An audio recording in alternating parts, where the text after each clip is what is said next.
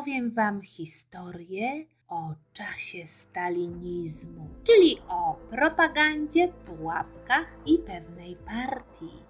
Gdy Polska zwana PRL-em już powstała, komuniści polscy zaczęli kombinować, żeby przekonać do swojego komunizmu jak najwięcej Polaków. Oczywiście akowców, czyli żołnierzy Armii Krajowej, chcieli cały czas usuwać, żeby im nie przeszkadzali w tym przekonywaniu ale oprócz zamykania w więzieniu akowców, komuniści zabrali się za propagandę. Co to takiego propaganda?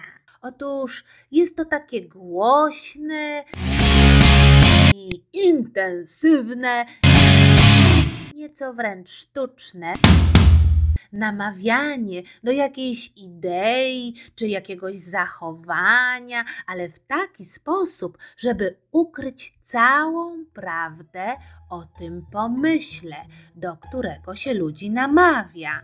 Propaganda to jest na przykład pokazywanie, że coś jest idealne, chociaż takie nie jest. To coś to na przykład komunizm albo hitleryzm. Była propaganda hitlerowska, która głosiła, że jedne narody są lepsze, a drugie gorsze i te gorsze trzeba zlikwidować a komunistyczna propaganda z początków PRL-u polegała na reklamowaniu komunizmu, ale przede wszystkim pomysłów Stalina. Czyli komuniści mówili, że Armia Krajowa jest zła, bo oni są ci od wyzysku, a teraz będzie komunizm, który przynieśli nam dobrzy przyjaciele Sowieci oraz cudowni cudowny przywódca, tatuś Stalin. A przecież prawda była taka, że Stalin jest okrutnym tyranem, który męczy w swoim kraju ludzi, a teraz będzie wraz z polskimi komunistami męczyć ludzi w Polsce. I jeszcze prawdą było, że rządzenie komunistyczne w Związku Sowieckim spowodowało, że ludzie byli tak biedni, że nie mieli nawet butów. Nie wiedzieli, co to jest y, na przykład budzik. Naprawdę, byli tacy Sowieci, którzy jak przyszli wyzwalać Polskę od Hitlera i zobaczyli i usłyszeli dzwoniący budzik u jednej pani, to najpierw się przestraszyli, a potem śmiali jak dzieci do tego budzika. Ale propaganda PRL pokazywała na plakatach, jak będzie wyglądać komunistyczna Polska. Uśmiechnięci chłopi albo panie chłopki, chłopczyce, na pięknych, błyszczących od nowości traktorach i równie uśmiechnięci robotnicy w czystych, jasnych fabrykach produkujących mnóstwo dobrych rzeczy. Hej ho, hej ho, do pracy by się szło. A kowcy na tych plakatach byli przedstawieni jak jakieś złodziejaszki spod ciemnej gwiazdy, tak zwane czarne charaktery, których trzeba się pozbyć, bo przez nich nie będzie uśmiechniętych chłopów i robotników. Za pomocą propagandy polscy komuniści postanowili przeprowadzić tak zwane referendum. Ojej, znów jakieś dziwne słowo. To referendum polegało na tym, że komuniści pytali wszystkich dorosłych Polaków, czy chcą komunizmu. Trochę się bali, że Polacy w większości niestety odpowiedzą nie! I jeszcze raz nie! Więc nie zapytali tak wprost, tylko zadali trzy pytania, które dotyczyły spraw związanych z wprowadzeniem komunizmu. Te pytania były tak poukładane, że jak się odpowiedziało na nie trzy razy tak, to tak jakby się było za komunizmem. Chociaż to było trochę takie oszustwo, jak zawinięcie niesmacznego cukierka piękny, błyszczący papierek, bo na przykład trzecie pytanie było o to, czy Polacy chcą ziemie odzyskane, czyli nowe ziemie, które Polska dostała po wojnie od y, Niemców. Przecież i tak nie mieli nic do gadania, ani zwykli Polacy, ani ci, którzy byli we władzy, bo to Stalin tak zarządził, tak, że Niemcy też nie mieli nic do gadania. Ale pytania o to, czy Polacy chcą, żeby Polsce zabrać kresy wschodnie, czyli to, co zagarnął sobie Stalin, już nie było. Komuniści zaczęli rozwieszać plakaty, namawiające, żeby głosować Trzy razy tak. Oprócz plakatów, komuniści chodzili po całej Polsce i namawiali ludzi na głosowanie. Trzy razy tak.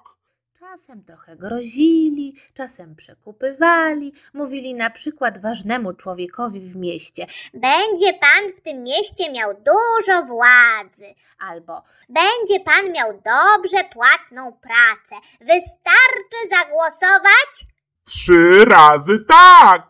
I jeszcze raz powiedzieć wszystkim wokół, że tak trzeba głosować. mimo tej całej propagandy mało ludzi zagłosowało Trzy razy tak. Tylko jedna czwarta wszystkich Polaków, czyli tak jakby ćwiartka całego jabłka. To było za mało dla komunistów, więc postanowili oszukać wszystkich i tak zrobili, czyli sfałszowali wyniki referendum. Pomogli im w tym Sowieci, no bo to przecież przyjaciele polskich komunistów byli. Najlepsi kumple, prawda?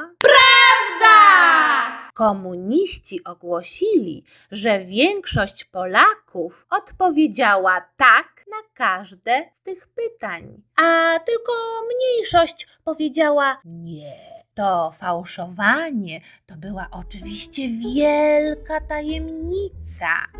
Niektórzy Polacy się domyślali, że to nie są prawdziwe wyniki referendum.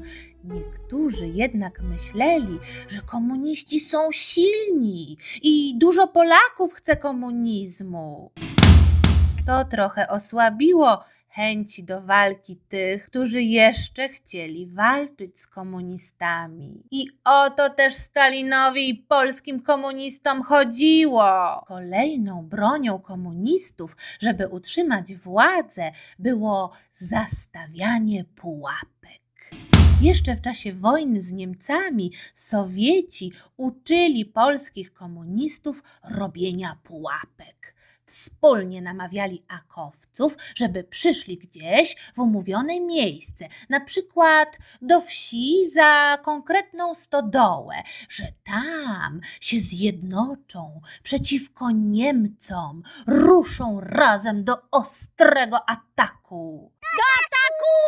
A za tą stodołą była wielka pułapka, bo mnóstwo uzbrojonych Sowietów, którzy aresztowali zaskoczonych akowców i wywozili gdzieś do więzień albo do nieludzkiej ziemi, czyli do swojego okropnego sowieckiego kraju. I Sowieci mówili do polskich komunistów: Widzicie? Tak się to robi. I polscy komuniści taką wielką pułapkę, ale już nie za stodołą, ale w swoim nowym komunistycznym państwie zrobili. Taką pułapką były tak zwane amnestie.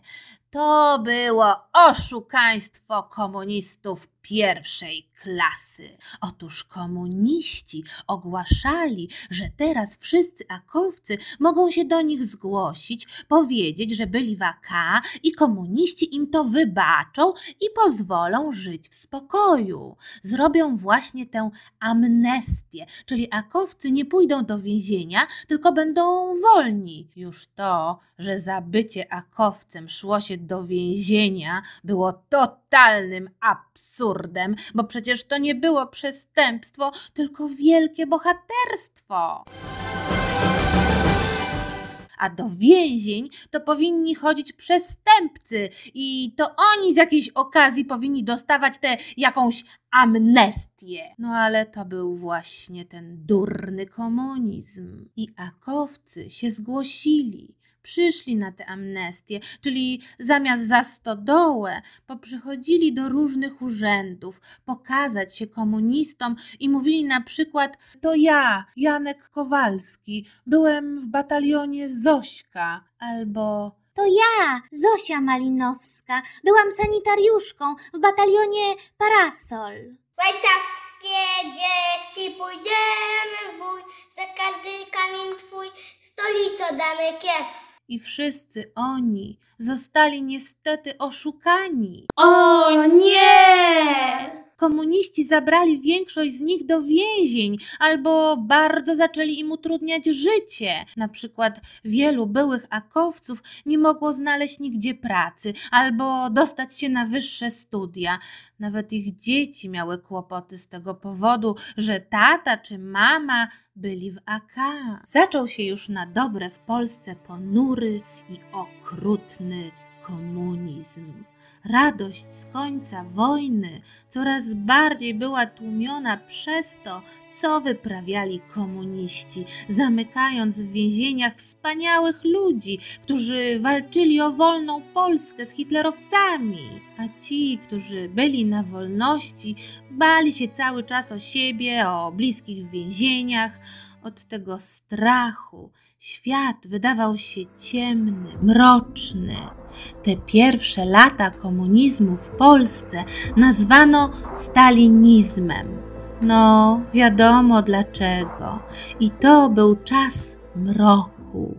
Takim kolejnym ważnym narzędziem do rządzenia przez komunistów był taki twór, czy raczej straszny stwór, który się nazywał Polska Zjednoczona Partia Robotnicza. Tak naprawdę w czasie całego tego komunizmu bardziej rządziła ta partia niż tak jak w innych krajach rządzi rząd. Stąd jego nazwa. Ta partia to było takie kolejne dziwadło komunizmu. W skrócie, a wszyscy używali skrótu tej długiej nazwy, to była PZPR. Co to jest właściwie partia? To taka organizacja, do której ludzie się zapisują, bo mają takie same poglądy i pomysły, jak ci, którzy tę partię założyli i też się do niej zapisali. Partia stara się dostać do władz państwa i w ten sposób swoje pomysły na prowadzenie państwa wprowadzić w życie. I na całym świecie, w różnych krajach są różne partie. Tylko najlepiej jest, jak te partie w danym państwie są chociaż dwie, ale może być więcej. Wtedy te partie rywalizują, czyli tak jakby ścigają się, wręcz walczą o władzę Ja, ja, ja pierwszy, ja! lepiej, lepiej ja, ja! I ludzie mogą zobaczyć, której partii pomysły są dla nich lepsze. Tak jest właśnie w demokracji. Jeśli jednak jest tylko jedna partia, to ona nie ma z kim rywalizować. I czy ludzie chcą tego, czy nie, ona wprowadza tylko swoje pomysły. Te pomysły są zazwyczaj korzystne dla tych, którzy rządzą. Tak było właśnie w wypadku komunizmu, jak i hitleryzmu. PZPR powstała sobie zaraz po tym sfałszowanym, oszukańczym referendum. W nazwie PZPR jest wyraźnie powiedziane, że to jest organizacja robotników, ale to też była propaganda, bo tak naprawdę to do PZPR mógł zapisać się każdy, czy był robotnikiem, czy nie. Z czasem tych robotników to tam już nie było za wiele, zwłaszcza ci, którzy rządzili, czyli byli na samej górze władzy w PZPR, robotnikami nie byli tylko panami w eleganckich garniturach, po których podjeżdżał samochód z kierowcą. Gdzie jedziemy, panie szefie?